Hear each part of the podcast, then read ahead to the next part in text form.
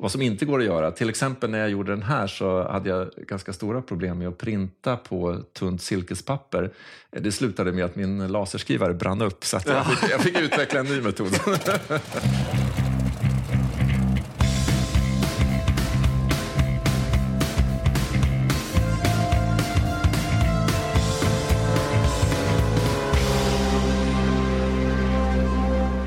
får jag passa på att hälsa dig välkommen till Flygpodden, Mats Johansson. Härligt, tack så mycket. Ja, kul att ha dig med. Ja, verkligen. Spännande. Hur mår vi idag? Eh, jag är på topp. Ja. Eh, jag tycker det här ska bli jättespännande och eh, tycker det är en kul initiativ. Det här med flygpodd tror jag är bra för Sverige. Ja, vad roligt. Flyg-Sverige. Vad roligt. Du är här som eh, representant för Svensk Flyghistorisk Förening, SFF. Just det, verkligen. Jag eh, eh, representerar föreningen och tycker den är en, gör ett viktigt inslag här i, i liksom det flyghistoriska Sverige kan man väl säga. Ja, kan du berätta lite kort om föreningen? Hur sammanfattar man? För det är en ganska stor förening, eller hur? Ja, men det stämmer. Det är en väldigt stor förening och eh, nu idag så är vi kring 6 000 medlemmar då, spridna över hela landet. Så att, eh, det är en rejält eh, seriös eh, flyghistorisk förening och det sägs att vi är bland de större i världen till och med. Det är sant. Så det är väldigt spännande och den har ju långa anor dessutom så det här har etablerats under lång, lång tid. Ja, för det är ett sånt fantastiskt eh, flygarv. Ja men verkligen. Alltså, Sverige har ju en jätteintressant flyghistoria och ett arv som du säger. Och dessutom så får man väl säga att det, det här är en del av den liksom svensk folksjäl med alla de här flygmaskinerna, Saab inte minst då, men kanske flygvapnets verksamheter men inte minst all flygverksamhet som sker ute i flygklubbar och privatflyg och kommersiellt flyg och allt vad det är. Ja, det är spännande. Hur, eh, hur ser din roll inom SFF ut? Eh, Du är en engagerad medlem har jag förstått. Jo, men det kan man väl säga. Jag, jag har varit med i SFF sedan någon gång på 90-talet eh, och eh, blev intresserad när jag såg eh, den fina tidningen som heter Svensk flyghistorisk tidskrift, eller SFT. Då. Just det. Och eh, det började egentligen så. Och eh, sedan så tyckte jag den var intressant. Jag tyckte det var en väldigt bra flygtidning. Och blev medlem och sen började öppna det sig en hel värld med olika möjligheter här kände jag. Alltså, när man eh, blir medlem i SFF då, vad, vad, är det man, vad är det man får ta del av då? Liksom? Varför ska man bli medlem i föreningen?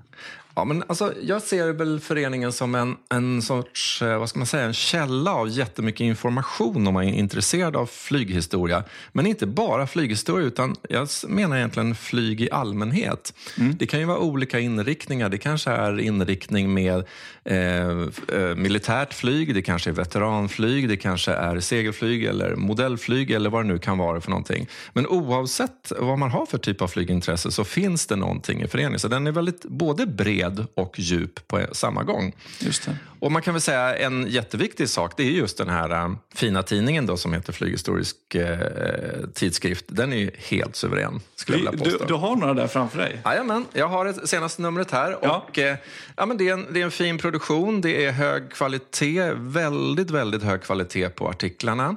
Den eh, görs till stor del i färg numera, så att det är fina bilder och det är ett otroligt fint källmaterial i de här. Det är väldigt mycket inspiration här om man är, gillar gamla flygmaskiner. Här Här är till exempel ett reportage om Swedish Air Force Historic Flight och deras aktivitet som de hade förra året. Och sen är det modellhörnan och alla möjliga intressanta eh, saker i den här tidningen. Den är, fanta- verkligen alltså, bra. bi- Bilderna är ju helt magiska. Ja, och det här med bilderna, det, det kan vi också nämna att eh, i SFF så finns det ett eh, bildarkiv numera, ett digitalt bildarkiv.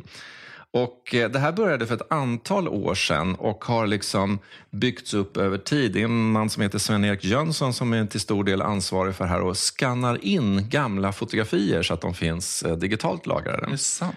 Och det är en sak som är tillgänglig för medlemmar. Så att är man medlem i SFF så har man tillgång till det här arkivet. Och idag så är det, hör och häpna, någonstans runt 200 000 inskannade bilder. Är det sant?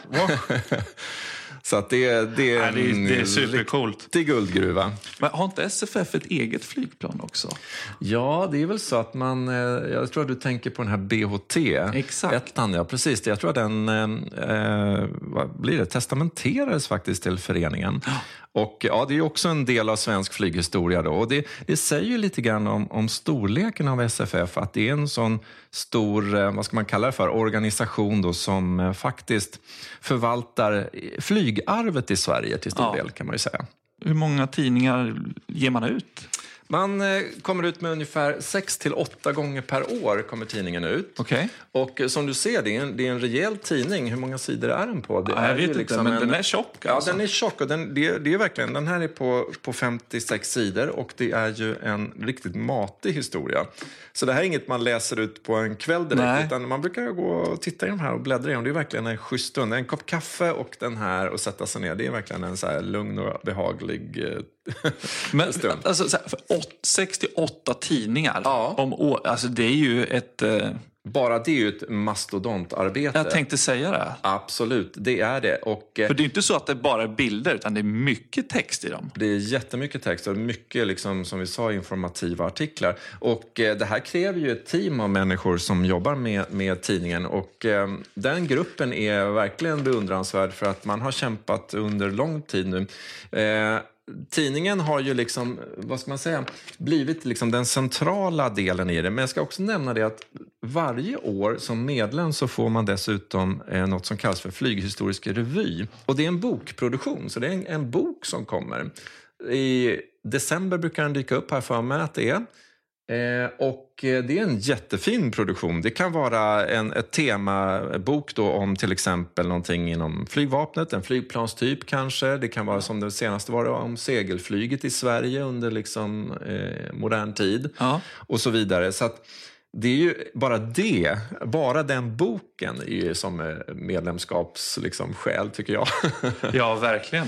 Så att eh, det finns jätte, jättemånga Men är det fritt fram så, som för nya medlemmar som sitter på massa kunskap och liksom, eh, historier?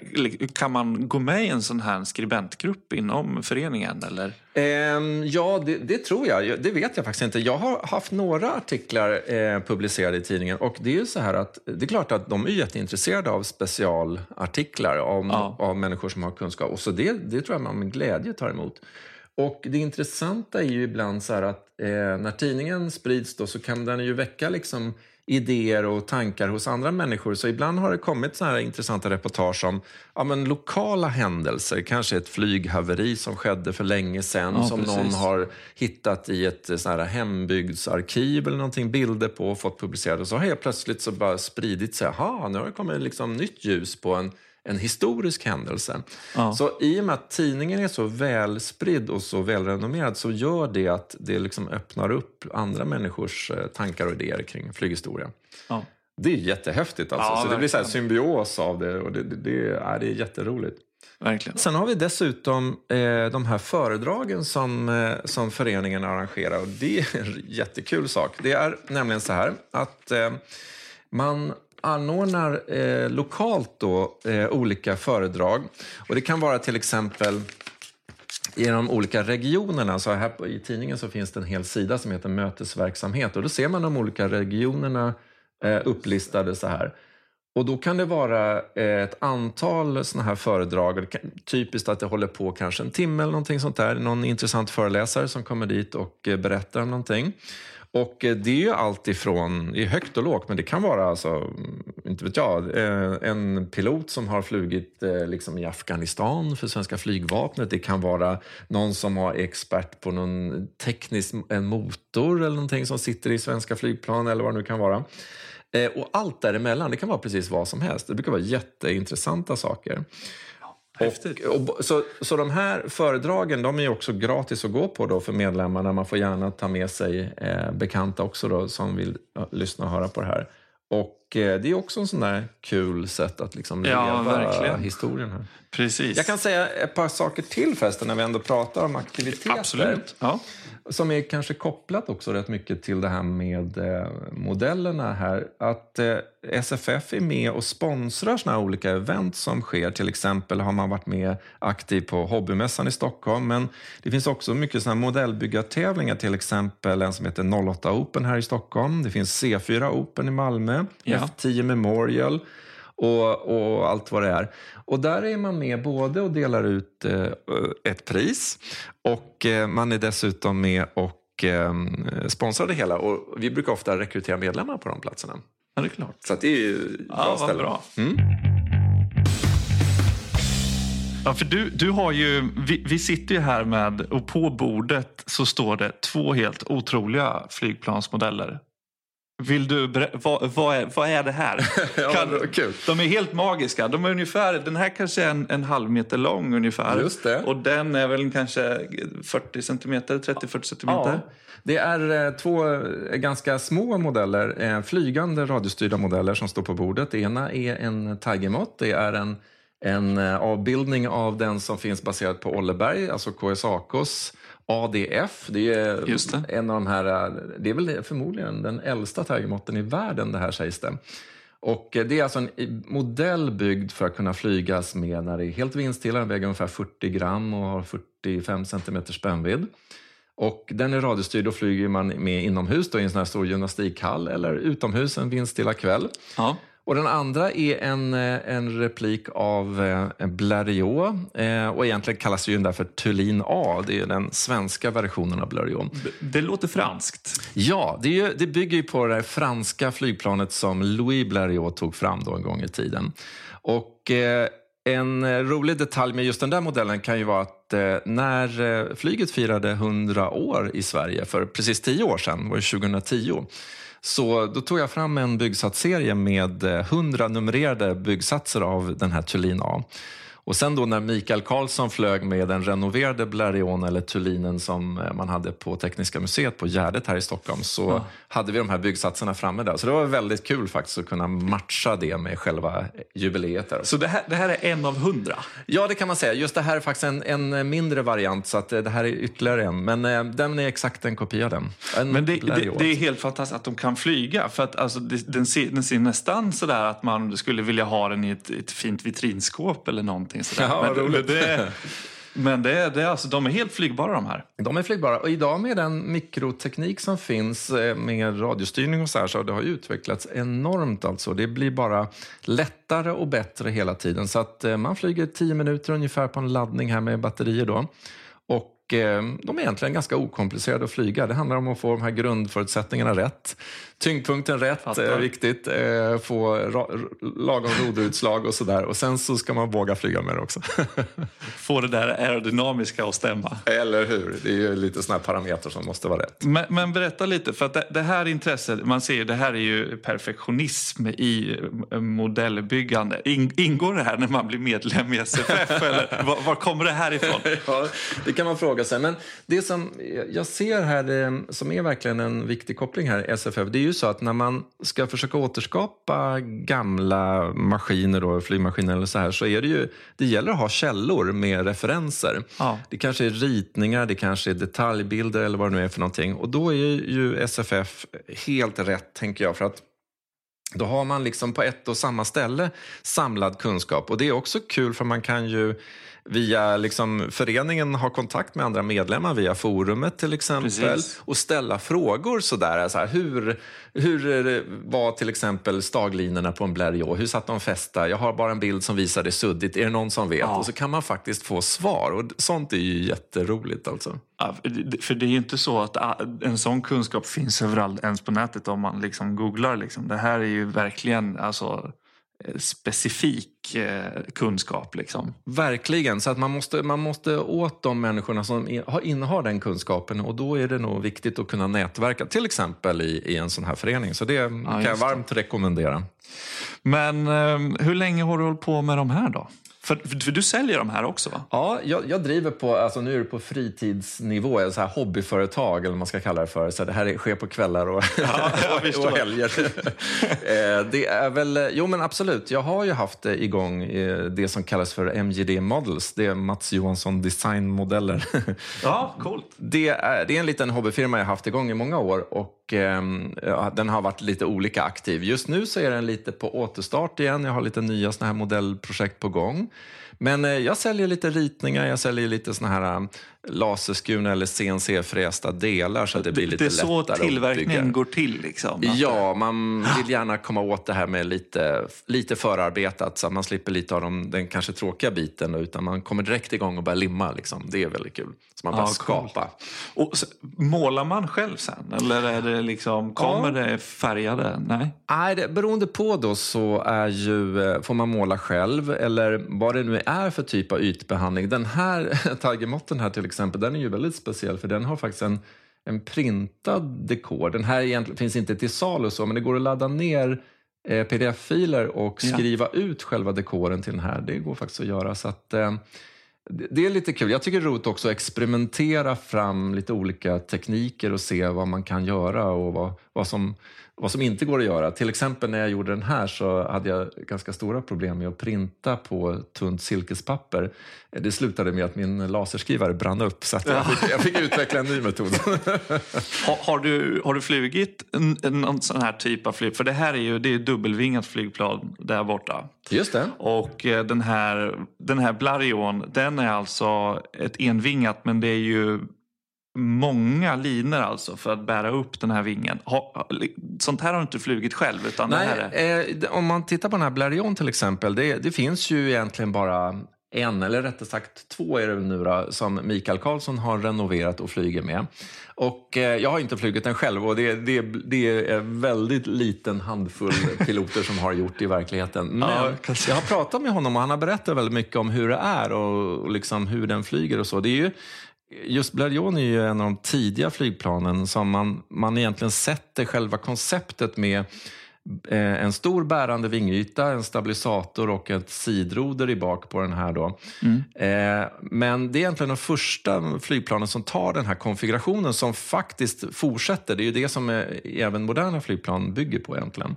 Just Blériot är speciell för den har egentligen inga skevroder som du ser. Den har ju bara en, Nej, en, en vinge. Och där vrider man vingen och eh, försöker få rollkontroll på det viset. Då.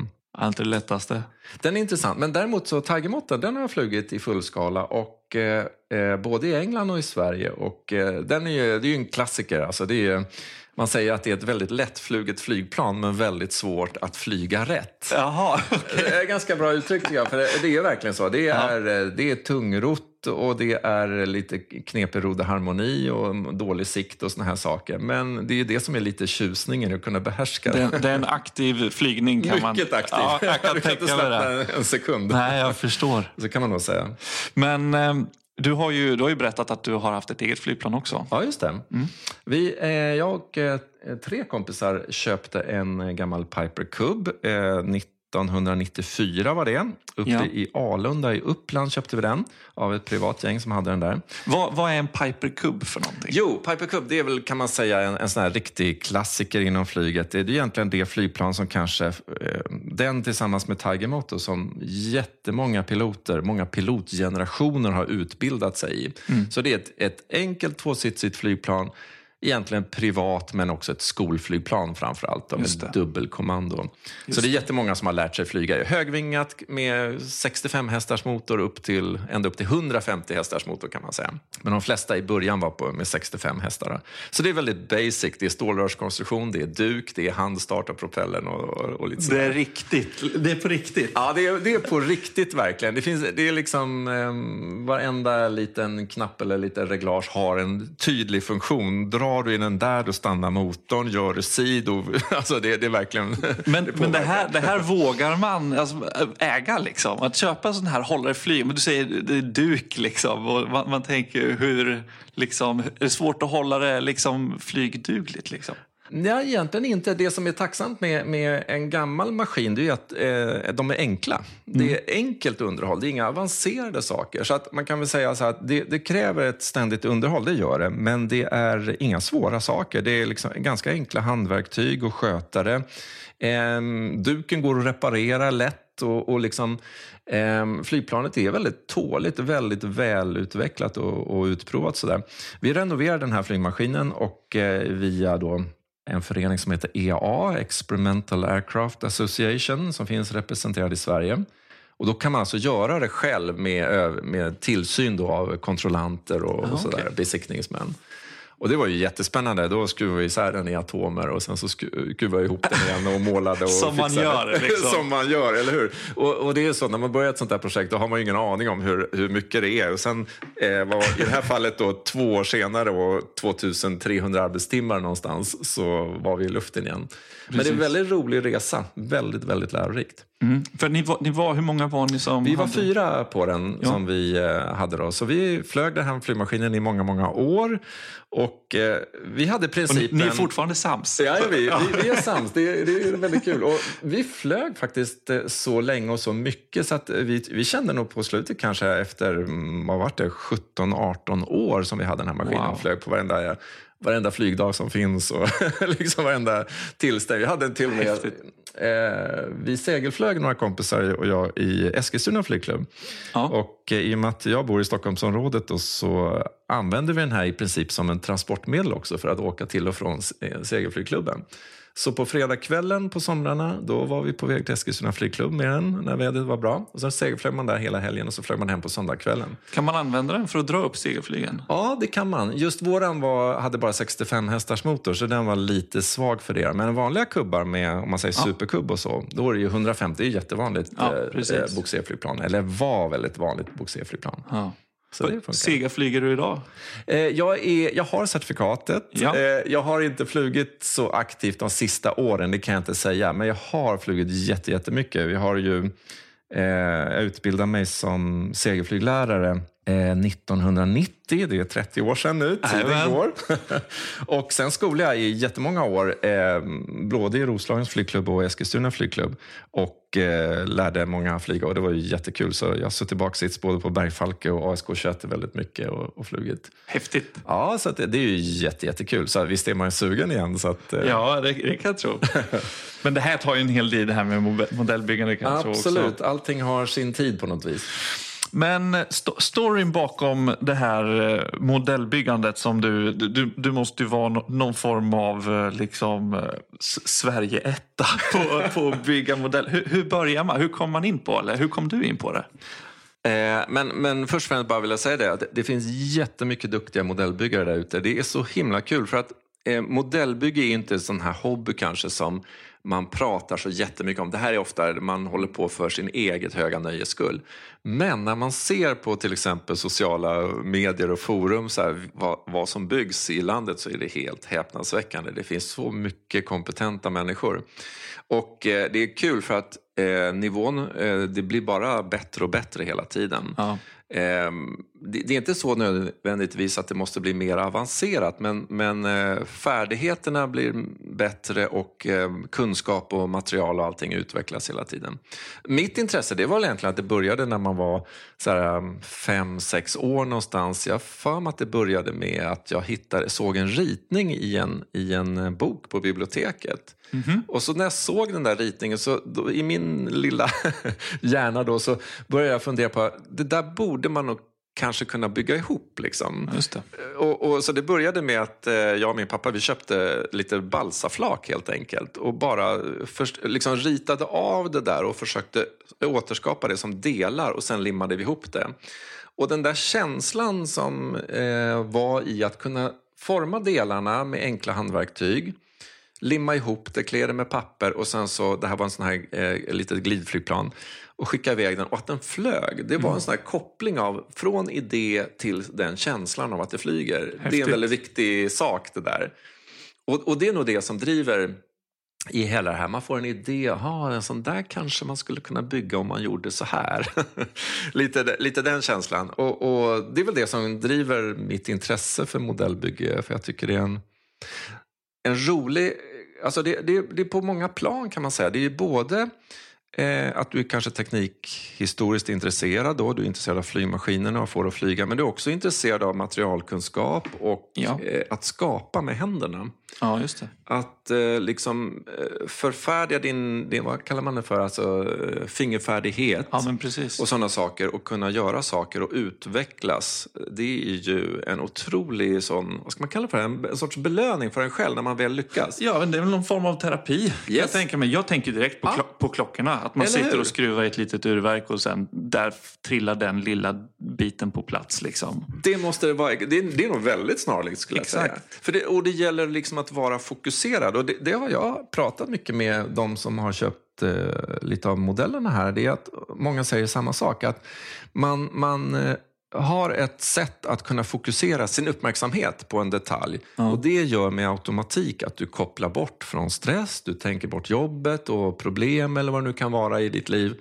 Och, och helt plötsligt så är du liksom i en annan liten värld ett tag. Precis. Vilket är väldigt nyttigt för många Jag skulle människor. säga det. Det är liksom att göra någonting analogt också. Ja. Kanske för en gångs skull. Eller Sitter vi här och spelar in en podd med massa sladdar och så. Ja? Men- jag, jag tror att det är, det är en väldigt viktig del. Och lite, jag tänkte också på handarbete som har varit en kanske en aktivitet som många kvinnor har hållit på med under lång, lång tid. Ja. Men just det här, sätta sig ner, fokusera på vad man nu gör, sy, sticka eller vad det nu är för någonting. Det är precis samma grund egentligen Ja. som det här. Det är bara att det råkar då vara in, in, inriktat mot Att det blir fly, fly, flygmaskiner. flygplan istället. eller? Nej, men eh, nej, jag håller med dig. Det är, eh, det är väldigt eh, det är behagligt och lite mysigt. Ja. Kan man väl säga. Verkligen. Det är en stor del i det. Men eh, de här, eh, de här modellerna, för de, de kan man ju köpa av dig. Var hittar man dem? De kan man hitta på min hemsida. Jag har en liten hemsida som heter mjd.se, så där får man gärna gå in och kolla. Och eh, som sagt var, jag har lite ritningar och lite såna här CNC-satser som finns där om man är, får inspiration. Och framåt så har jag lite tankar. Jag håller på och och har precis eh, gjort en ny eh, Saab Safir, Saab Nej. SK50. Det är så här, det svenskaste av det svenska, tänker jag. En, en ganska liten modell i skala 1 till 20, ungefär som den här eh, i spännvidd. Den är då 40, nu ska jag tänka här, vad är den? Den är 10 och 60 i verkligheten, så den är 53 centimeter i spännvidd. Den är också gjord för radiostyrning. Okej. Och en sån här, vad ska man säga, en stickor och strån-modell byggd för att vara väldigt lätt men för att kunna vara enkel att få flyga också. Just det. Så den håller jag på att utveckla just nu och vi ska börja titta på hur man kan laserskära den och sådär och förpacka den schysst.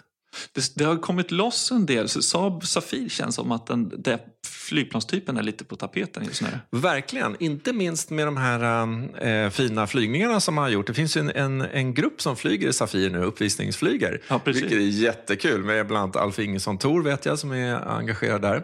Och man har ju flugit lite formationer nu i de här coronatiderna som har varit och eh, gjort fina uppvisningar.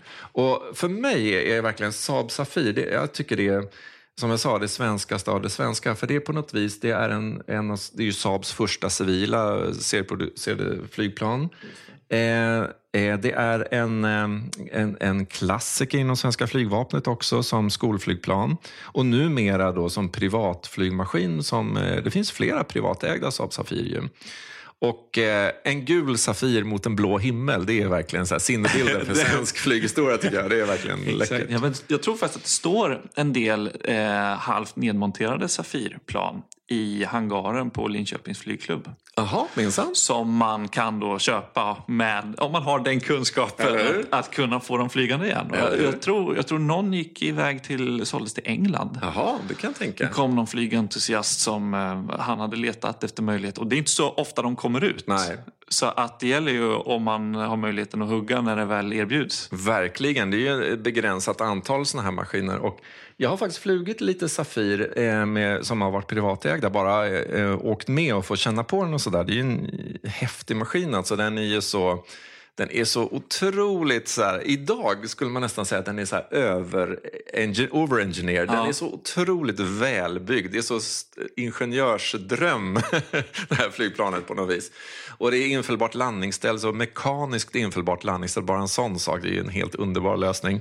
Som kräver då, men det är ändå ganska tungt så, så det kräver viss liksom, handlag för att inte när du startar, Ja. att det inte blir så här gupp då, liksom att du måste ta i med ena handen för att dra in landningsstället så, så det inte blir stora så här pendlingar då med höjdrodret samtidigt. Jag har faktiskt aldrig flugit Safir. Däremot har jag flugit en Bulldog. Ja, Och det, jag, kan- alltså jag inbillar mig att det är lite samma känsla. Jag Eller de, de, ser, de ser lite smålika ut i, i konstruktionen. Faktiskt. Eller hur?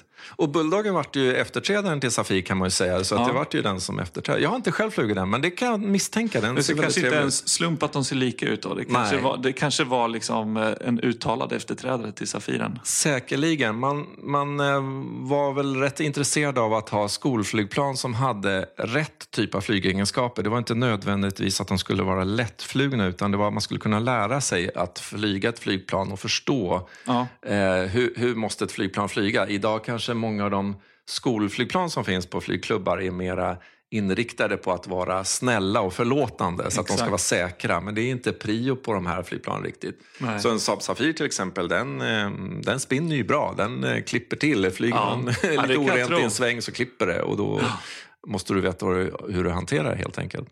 Men du har ju också, jag vet ju att du har fått ett, eh, ett fantastiskt modellbyggaruppdrag till Flygvapenmuseet också.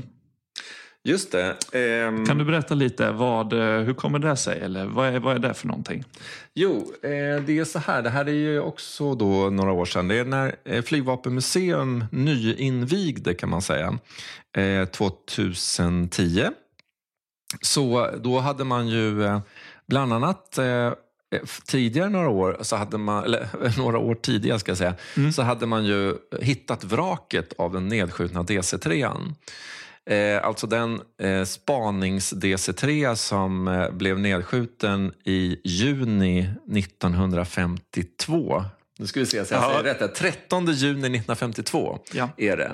Så försvinner ju en DC-3 helt plötsligt och eh, man åker ut och spanar efter den och eh, ett par dagar senare, jag tror det är den 16 juni, så eh, blir ju även den Catalinan som letar efter DC blir också angripen och nedskjuten. Men den besättningen lyckades rädda sig. Men DC-3 försvann ju med hela besättningen och allting. Bara, den var bara helt borta. det, det här var väl en händelse som var relationen mellan Sverige och Sovjet här. I den högsta den är ju grad. inte på topp Nej. om man säger så. Det här är ju väldigt, eh, det är precis kalla krigets eh, liksom, vad ska man säga, höjdpunkt eller som värsta, värsta läge. Ja. Och eh, det, är ju, eh, det, det görs ju alltså signalspaning och man flyger väldigt nära gränserna och ibland tangerar och överskrider gränser och så vidare. Och sen så då händer den här eh, händelsen. Men man vet ju egentligen inte vad som har hänt från början utan det, flygplanen är ju bara borta. Och sen på 90-talet så är det ett antal, det är några privatpersoner, en privatperson framförallt, som driver tesen att han ska hitta den. Det är han Anders Jalaj heter Just han. det. Och eh, vilket för övrigt Han har bestämt sig. Ja, han har verkligen bestämt sig. Och eh, jag lyssnade på ett föredrag som han höll på SFF för övrigt. Ja. Som var jätteintressant när han berättade om, så här går, ha, gjorde jag för att söka rätt på DC3. Det var helt fascinerande. Eh, dedikerad person med en ambition, jag ska hitta den här, det måste gå. Använder alla arkiv, försöker lägga upp en strategi och så vidare. Och lyckas till slut hitta det här flygplanet på havets botten utanför Gotland. Det är helt enormt alltså. Vilken grej. Ja, vilken grej. Alltså, Anders Jelaj, om du lyssnar nu så jag, jag kommer ringa dig. Ja. Det här måste vi prata mer om. Exakt, jag tycker det, det borde vara ett tips. Jag vill höra hans historia kring det här. Ja. Eh, och eh, i alla fall, man bärgar flygplanet och ehm, och, bara det, att bärga det här flygplanet är ett, projekt i sig. För det är väldigt korroderat av att lägga på havsbotten så länge. Men då inser man också att eh, det sitter flera av, av de personer ombord är kvar i flygplanet. Alltså. Så flygplanet har blivit nedskjutet inser man och sen så eh, börjar då själva detektivarbetet. Vad är det som har hänt med flygplanet och hur gick det här till? Och det här är en lång historia, men det resulterade i alla fall i en utställning på Flygvapenmuseum som man kan se idag, som är fantastisk. Ja, den är grym. Alla som ser den säger samma sak. Så här, det är en helt otrolig känsla när man går Ja. ner under den här Det är smart gjort. Det är smart att de lagt det i, för det blir en, som du säger, det blir en annan känsla där nere än trappan ner. Eller hur? Det är som en sarkofag. Det är lite så här spännande. Man går ner där i underjorden. Och museet är ju liksom byggt kring vraket. Så vraket Ja. är ju inlagt och sen är museet egentligen byggt ovanpå och runt det kan man säga. Och för att göra en lång historia kort nu då, så ligger vraket där nere. Men det är så pass sönderbrutet och så, så att man, man bestämde sig ganska tidigt att man behövde en modell för att visa hur, hur, hur såg själva DC3 Just ut in, när den sköts ner innan då. Och eh, hur, eh, hur var den inredd framför allt? Vad var det för utrustning i den här flygmaskinen? Ja, just det. Och det uppdraget fick jag och det var jättespännande. Det var ju bara det en väldigt speciell resa att få eh, med då det här gänget som skötte så att säga, haveriutredningen. Men vi var också och forskade och tittade på, eh, vad heter det nu då? FRAs museum ute på, här utanför Stockholm. Ja. Och där vi fick se vilka typer av radioutrustningar som fanns ombord. För det visade sig att det var amerikansk radioutrustning som man hade i det här flygplanet. Okej. Senaste tekniken, det modernaste av det moderna. Right. Och hur det där hade gått till, det var ju lite sekretessbelagt. Spännande historia kring det här. För officiellt så var man väl ute på en vanlig övning. Jag tror det. Jag tror att man... man Det var så det, liksom Så det lät, ja. kommunicerades ut Precis. till allmänheten i alla fall. Men i själva, i själva verket så är man egentligen ute på, för att ta reda på Sovjets luftförsvar. Och det, finns ju då, man, det antyds ju då att det är ett uppdrag från amerikanska försvaret. Att man vill veta var finns de svaga punkterna i det sovjetiska luftförsvaret. Så det, det är ett skarpt spaningsuppdrag Det är ett skarpt spaningsuppdrag, precis.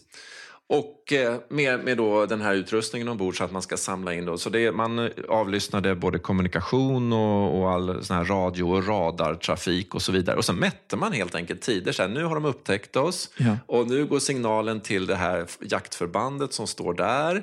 Hur lång tid tar det nu innan det flygplanet är i luften? Så det var ju en otrolig, alltså en sorts rysk roulette kan man ju säga. Det här. Ja, det kan man ju... Shit. Ja, som slutade med det här eh, nedskjutningen då. Men vi byggde modellen, eller jag byggde modellen eh, under ett och ett halvt års tid.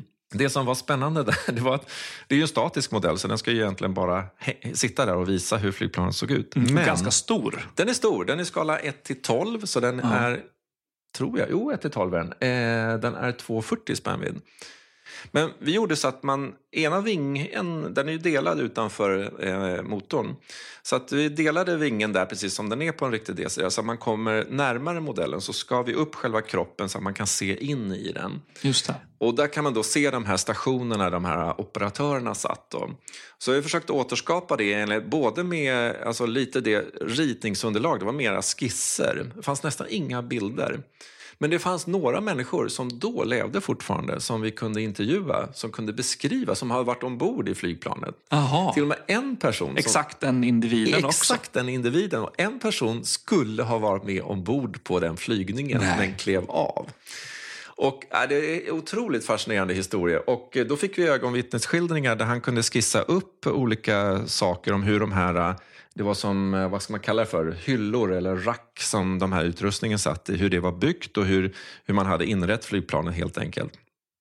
Och det kunde vi återskapa då i modellen och det tog ja, ett och ett halvt års arbete på heltid. Det är helt sjukt. Ja, det var För mycket. när, när du berättade att du hade gjort den modellen. För att Ja. i och med, jag är från Linköping själv och har ju liksom varit där flera gånger. Och liksom, jag visste precis vilket, tänkte bara, det är ju helt, vilket arbete. För det är ju det är detaljer liksom. Ja, eller hur? Det, alltså, men det räckte med ett och ett halvt år. Jag tycker det låter som kort i tid. Liksom. Framförallt om man ska ha något, någon form av liksom, arbete vid sidan av. Liksom, Eller hur? Men, men, men, då, men då, var det, då var det faktiskt nästan på heltid. Jag jobbade Ja. med det under den tiden. Och eh, det, var, eh, ja, det var otroligt kul. Det var ju väldigt så här, i, särskilt i början kommer jag ihåg att eh, det var ju några såna här kravspecar som var ganska tuffa där. Bland annat att modellen skulle vara klädd med riktig aluminiumplåt. Okej. Och då tänkte jag så här att ja, det där går nog att lösa. men jag hade ingen riktig plan för hur det skulle göras. Vad säger jag för någonting? Ja, eller hur? Och sen när man skickar in sin offert så tänker Ja. man så här, vänta nu. det här blir inte bra, för jag vet inte alls vad jag ska göra nu. Men, men återigen då, med hjälp av bra nätverk, eh, kontakt med många duktiga ja. människor. Inte minst genom SFF faktiskt. Ja. Och eh, även några personer som eh, jag fick god hjälp av för att eh, eh, bearbeta aluminium på rätt sätt så man kan forma den så löste sig faktiskt det. Men eh, det blev ju många små plåtar som skulle tillverkas och mm. limmas då på modellen. Eh, och sedan så, den är ju klädd med en sån här offsetplåt, alltså 0,2 mm aluminiumplåt. Okay. Som är tillskurna i bitar. Och sen så är det, om du såg det på den, så är den ju som nitar på. Det är kullernitar på ja. en DC3, alltså det är inga försänkta nitar nästan. Och, eh, så nitarna syns och de är gjorda med en sån här körnare, en sorts automatkörnare som man knackar fram varje nit på baksidan. Så, där. så jag, jag, räknade ut att jag höll på i sex veckor på heltid och bara stansade såna här nitar. Så jag fick så här, det är helt förslitningsskada i min hand. Där. Så jag fick liksom, så här, ungefär som man får tennisarm. Jag fick ja, nitningsarm. Ja, det tror jag det. Så att, eh, men, men det var spännande. Det var, det var ganska skönt när det var klart. Ja, jag, kan, jag kan tänka mig det. Och där kommer ju stå nu. Mm. Den har stått där sedan 2010? Ja, den har, den är, har varit där i tio år nu faktiskt. modellen. Så jag åker ner ibland då och då och bara kollar. Så, Titta okay, till det den. ser, liksom. bra ut. så inget har ramlat in. Nej, precis. Ni får damma av den lite. Ja, eller hur. Men en sån DC3, det är ju flygande veteraner. Just det. Har inte de en sån som de flyger Jajamän, stämmer håller jättebra. flygande? Ja, och, och Flygande veteraners DC3 var jag tittar väldigt mycket på. Jag flög med dem någon gång också för länge sedan. Eh, men det är också en sån här, också en kul verksamhet. Men det får nästan ta en separat... Eh, jag, jag kom om... på det nu när jag satt och bläddrade i SFFs tidningar. Ja. Så, för då, då stod det om dem. Absolut. Och Daisy eller? Jajamän. Ja. Och, och, och det är ju en jättekul, vad heter det, förening med, som håller en DC3 i luften. Och ja. Det är ju roligt för att det, är ju liksom, det här är ju en, en gammal flygmaskin men ändå så finns det såna här tillgängliga. Och då för tio år sedan då fanns det jättegott om DC3 faktiskt. Det fanns en uppe i Skoklosters museum. Det fanns Daisy som stod på, på Bromma då. Ja. Eh, det fanns Åke Janssons i Vallentuna. Det fanns en DC3 uppe i Norrtälje som renoverades som bara en statisk renoverad. Okay. Och det fanns en i Linköping. Så DC3 fanns det hur mycket som helst. Och bara åka runt och, och detaljstudera. Så det var ju jättebra för att kunna få fram bra underlag till modellen. För, och den, den Daisyn, den är ju det är också är det aluminium också? Ja, det är ju eh, ett helmetallflygplan, ja. Eh, DC3. Och eh, den är ju den är väldigt, om man, om man jämför med till exempel vår svenska Saab B17 så är de ganska snarlika. För det är, det är lite samma tid de här flygplanen utvecklas i. Och det är ju, det, tekniken kallas ju fribärande helmetallkonstruktion. Så det är ju skalkonstruktioner, så själva skalet är det bärande delen. Och det är fascinerande eh, välutvecklad produkt för att vara så länge sedan. Jag menar, det här är ju mitten på 30-talets teknologi egentligen. Och en intressant detalj tycker jag, det är till exempel hur vingarna är konfigurerade på både DC3 och på en sån här Saab B17 så i helmetall. Men om man tittar på DC3 så är vingen delad utanför eh, motorgondolen. Ja, just det. Och då tänker man sig, ja, hur, hur fäster man en sån vinge mot den här mittdelen? Och då när jag började studera det där noggrant så fick jag en sån här riktig, aha, är det så här det är gjort? Och det är ju inte så att det är några balkar som går i varandra, utan det är alltså två stycken eh, spryglar som, som sätts mot varandra. Och så sitter det, jag, jag tror att det är 200 eh, någonstans bultar som förbinder skalet med varandra. Så det är skalet som bär. Shit. Så det är helt otroligt egentligen. Och det kan man faktiskt se på modellen för där är ving, den yttre vingpanelen borttagen. Då ser man de där små, små, små hålen. Du åkte på dem yes, och göra det. Eller hur? Och för mycket, som, mycket mindre. Eller hur? Och för den som är riktigt så här nörd nu så kan ni åka ner och titta på modellen i Linköping. För det sitter en skruv och en mutter i rätt skala där på ett av hålen. Det är helt galet. Ja, jag känner till liksom hela den här Catalina-affären. Ja, jag gjorde ju en klocka om, om, som, som jag döpte till Catalina. Exakt. Så snyggt. Och innan så, alltså, det var ju, jag kände bara till lite ytligt vad det var. Liksom. Och sen mm. när man börjar skala det här så är det ju Ja, det är ju vilka grejer som hände ändå. Ja, det, det är och all den här, historia. Och det finns ju på Flygvapenmuseet som man kan gå in eh, i de här olika rummen Just och liksom det. läsa tidningsartiklar och utdrag. Och så finns det ju eh, konspirationsteori, eller vad man ska Mm, kalla det, mm. som, som har liksom vuxit ur det här. va? Just det. Där det är, jag tror det är en av änkorna Ja. som får ett brev hemskickat till sig. Ja. Där det är en svensk som har mött då Just det. någon, någon random person Som skulle vara en av överlevande besättningen. som, som mer eller mindre lämnar en hälsning eller typ skickar ett brev till den här adressen i Sverige. Just det. Och han gör det och hon inser direkt att det här är min man, han Just lever. Just det. Det, finns ju, det, det frodas ju verkligen såna här historier i och med att det är, det, är inte, det vart inte riktigt klarlagt. Och man får ju tänka på att det här är ju otroliga familjeöden, alltså tragiska familjeöden där människor går i ovisshet under väldigt, väldigt lång tid över vad som har hänt med deras anhöriga och så vidare. Och eh, på ett sätt så får man väl ändå säga att utställningen här på något sätt knöt ihop hela historien och liksom eh, la fram all de fakta som fanns. Men om inte jag är helt fel ute så har jag för mig att det är en, det, det är någon eller ett par som är saknade ur besättningen som man inte hittade Ja, kvarlevorna efter. Exakt. Så det, det, är, det är en otrolig eh, dramatisk historia det här. Det planet som sköt ner både DC-3 och senare Catalinan, Ja, just det. det är en eh, MIG. Just det. MiG-15. MiG-15. precis. Ett ryskt jaktplan från den tiden, ungefär samtida med Tunnan då, precis.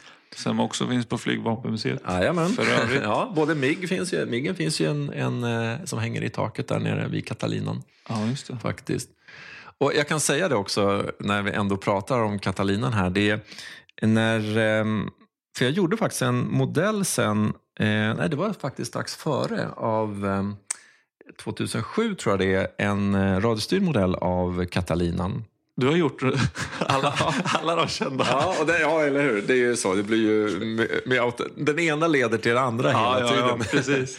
Så nere på Flygvapenmuseum så hänger faktiskt en modell eh, som jag gjorde av Catalinan också. Den hänger i butiken när jag har för mig i entrén.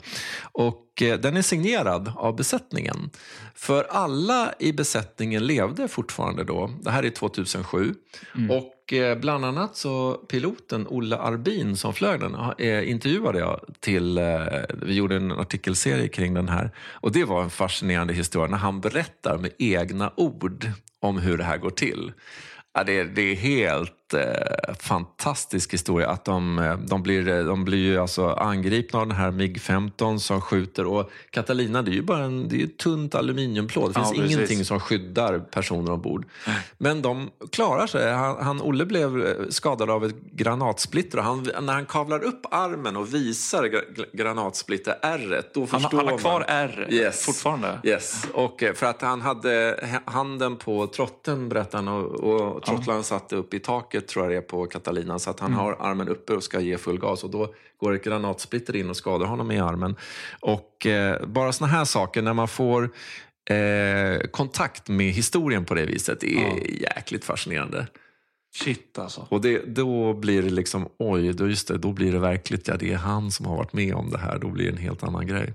Men han, han lyckades landa det där planet. Ja, de, de eh, nödlandade egentligen eh, vid ett eh, fartyg, ett civilt fartyg som var i närheten som de såg. Och det var nog räddningen att de kom så nära fartyget och Miggen avbröt attacken.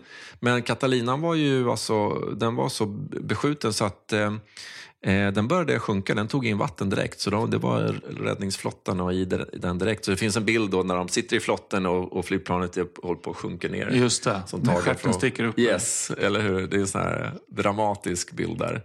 Så att, eh, ja, det här var ju alltså, konflikter med eh, Sovjet som var För helt man, man otroliga. kan ju tänka nu, eller om det nu är så, Mm. att en, en del av besättningen från DC-3 klarar sig Ja. och vart eh, tillfångatagna. då. Just det. Jag, jag går Ja, jag driver vidare på det här. Exakt, Ja. då kan man ju tänka vad som hade hänt med den här Catalina-besättningen. Ja, Om de hur? inte hade landat nära det här fartyget. Eller som var hur? tyskt om jag inte Ja, missminner mig. stämmer. Och eh, precis, och som, som, ja, ja visst, det, det hade nog kunnat bli, gått väldigt, väldigt illa för dem. Så att, eh, nej, det, det är en, eh, en otrolig historia kring det här. Och det är ju som med alla de där historierna, det är ju liksom de, om man börjar gå på djupet i dem så då väver det ju ut till massa olika händelser. Det händer en massa saker här. Det, säger, det finns en historia bland annat om att flygvapenchefen Bengt Nordenskiöld på den tiden eh, eh går upp i ett eget flygplan, startar på Barkarby i en sån här J-28 Vampire som är skarpladdad och är ute och flyger och patrullerar ut över Östersjön själv. Ja, det, det, är en historia i alla fall och, och, jag tror att den är sann för att det är alltså man, man, tog helt egna beslut på den tiden. Det var inte alls eh, eh, med dagens mått mätt hur man agerar utan här skulle man visa upp att vi har minsann ett försvar uppe. Flygvapenchefen ute och patrullerar själv. Så att, och det finns mycket spännande i, i, kring det här alltså. Helt klart alltså. Ja, men shit. Och man kan ju bara tänka sig ibland SFFs arkiv här liksom hur mycket man kan hitta om man gräver lite. Eller hur? Och det, bara, jag tänkte på just när du säger arkivet där så är ju de här bilderna, jag vet jag var och letade mycket kring just Catalina-affären. Det fanns väldigt fina bilder från F2 Hägernäs, en bit uh, i, i norr om Stockholm här, som fotograferades både kring eh, Eh, kriget då strax efter då med de eh, verksamheterna som var där. Men jag ska säga en annan sak som jag tror är viktig att nämna med SFF här. Det är att man har ju också medverkat i renoveringen av en del av de flygplan som står på Flygvapenmuseum. Så till exempel så fanns det någonting som kallas för Tullingegruppen tidigare. Okay. Och det var ett, en eh, samling eh, experter, får man verkligen säga, eh, som renoverade eh, gamla maskiner som kanske hade stått i förråd eller behövde byggas upp från scratch. Och en av deras första och kanske viktigaste uppdrag som de gjorde, det var att renovera den här gamla dubbeldäckaren som heter B1, den här Breger Ja, alltså i, i princip Sveriges första militära flygplan. Och den är helt magisk. Den är magisk och den är unik. Den ja, och den är i sånt jäkla fint skick. Ja, den är, den är den som ett konstverk. Alltså, har ni förbi, ni som inte är från Linköping, ja, de flesta av er, men äh, åk förbi. Och, och om ni inte den. har sett det här, för att det är hel, egentligen hela utställningen är helt ja. otrolig. Men just det planet som vi pratar om nu. Eller hur? Fantastiskt. Ja, och, och, då gjorde alltså de här, eh, det här gjordes ju på frivilliga insatser och man har renoverat en mängd olika maskiner. Till exempel en SK14 som finns där nere. Den är uppbyggd av delar mm. egentligen från scratch. Det fanns inga sådana här flygplan kvar så man lyckades göra det. Och där var SFF både liksom med och arrangerade, organiserade och eh, bidrog till, här, till, att det här blev möjligt. Så att, det är ju på flera plan som det här görs, så att säga. Även liksom rent hands-on eh, renoveringar och eh, vad ska man kalla för restaureringar av såna här gamla maskiner. Hur blir man medlem i eh, SFF då? Ja, men det är väldigt enkelt. Man kan gå in på hemsidan, man mm. går in på flyghistoria.org och årsavgiften är alltså 395 kronor. Ska vi ta och runda av då Mats? Ja. Vad tycker du om, eh, hur, hur har det här varit? Det har varit jättekul. Verkligen en, en sån här eh, intressant, eh, när man pratar två stycken, det blir kul ja. för det spårar iväg lite grann ja, och sen precis. så kommer vi tillbaks igen och så är vi på något nytt spännande ämne. Ja, men herregud, jag, jag tror vi hade kunnat sitta hur länge som det helst. Det tror jag med. Vi men, behöver ett par dagar till känner jag. Ja, då får vi tacka er som har lyssnat och varit med i det här fantastiska avsnittet på återseende. Härligt. Ja. Tack så mycket. Ha det bra. Hej då.